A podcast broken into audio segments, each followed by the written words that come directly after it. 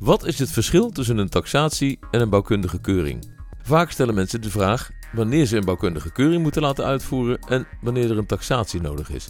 En waarom er een taxatie moet zijn als er al een keuring is geweest.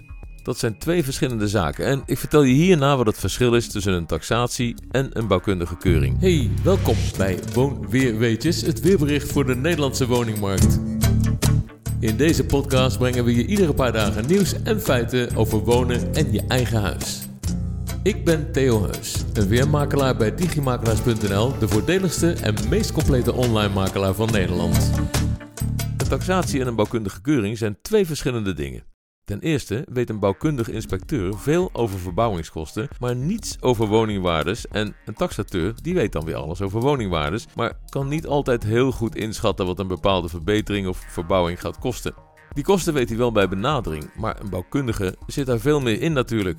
Een taxateur doet ook geen diepgaand onderzoek. De taxateur kan je wel adviseren om een keuring te laten doen als hij dingen tegenkomt die er niet zo goed uitzien.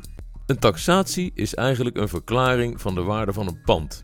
Door te vergelijken met andere verkochte panden op allerlei punten, dus grootte, perceelsgrootte, bouwkwaliteit, locatie, afwerking enzovoort, komt de taxateur tot een bepaalde marktwaarde. En hij legt in zijn rapport haarfijn uit hoe hij tot die waarde is gekomen. Dus waarom is dit pand zoveel en zoveel waard? Een taxatierapport wordt opgemaakt door een gecertificeerd taxateur. Die staat ingeschreven in het NRVT, het Nederlands Register van Taxateurs. En de taxateur houdt zich aan Europese wetgeving voor wat betreft vakkundigheid en onafhankelijkheid. Dat taxatierapport is nodig voor de bank, omdat ze op basis van die waarde een lening aan jou als koper kunnen verstrekken. Ze weten dan namelijk min of meer zeker dat het onderpand ook werkelijk die waarde heeft en ja, als het ooit verkocht moet worden, dan weten ze wat ze krijgen als je je hypotheek niet meer kan betalen. Zo'n taxatierapport dient dus als zekerheid voor de bank. En voor jou is het rapport een bevestiging dat jouw koopprijs niet of juist wel uit de pas loopt met de werkelijke waarde. Waardoor je dan weer weet wat je kunt lenen en hoeveel je eventueel zelf nog moet bijbetalen. Dus als je mij vraagt wanneer je een taxatie moet hebben bij een hypotheek, zeg ik altijd.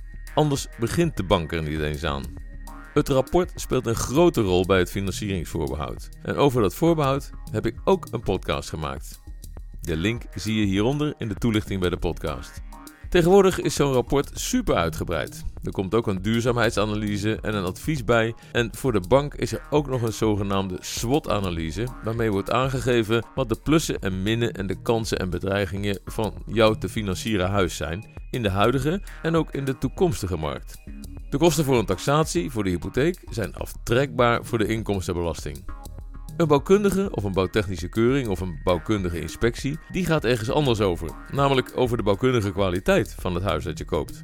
Een inspecteur van een onafhankelijk keuringsbedrijf keurt dan voor jou de bouwkundige staat van de vloeren, de muren, de daken, ramen, leidingen, aan- en afvoeren, goten en nog veel meer.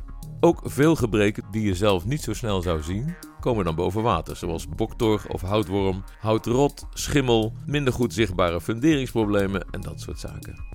Dan hebben we het over een bestaand huis. De meeste keuringen worden uitgevoerd door de kopers van bestaande huizen. Je hebt ook keuringen voor nieuwbouwhuizen, maar dat is een ander verhaal en daar maak ik later nog een podcast over. Soms laten verkopers de keuring doen, zodat ze die dan aan een koper kunnen laten zien als een soort verklaring van de bouwkundige staat van het huis. Maar dan moet je als koper wel oppassen, want wie garandeert jou dan dat die keuring onafhankelijk was? Beter dus is als koper om dat zelf te laten doen.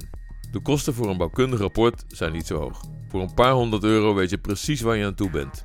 De kosten voor een bouwkundige keuring zijn helaas niet aftrekbaar voor de inkomstenbelasting. In het rapport wordt ieder onderdeel uitgelicht en besproken. En ook wordt er aangegeven wat er eventueel nu of later moet worden gerepareerd of onderhouden en wat dat dan kost.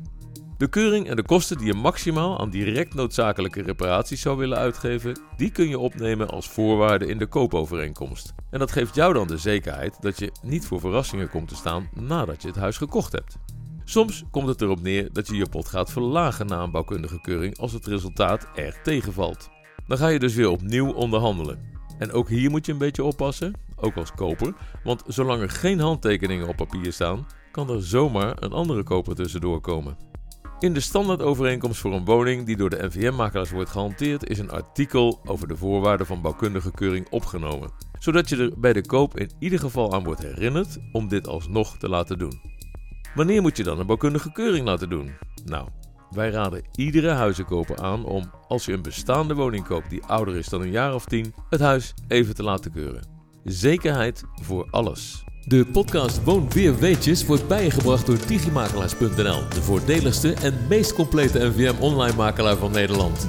Wil je dat meer mensen op de hoogte blijven van de actualiteiten op woningmarktgebied en wil je ons helpen de podcast nog bekender te maken? Doe dat dan door je op de podcast Woon Weer Weetjes van Digimakelaars te abonneren op iTunes, Stitcher, TuneIn of Spotify. De podcast is er ook als Alexa Flash Briefing. Je kunt de skill toevoegen aan What's the News of What's My Flash Briefing. Dan hoor je iedere dag de laatste nieuwe. Wat ook helpt, geef onze podcast een beoordeling op iTunes. Of deel onze podcast op Facebook of Instagram. Super bedankt dat je luisterde en tot over een paar dagen.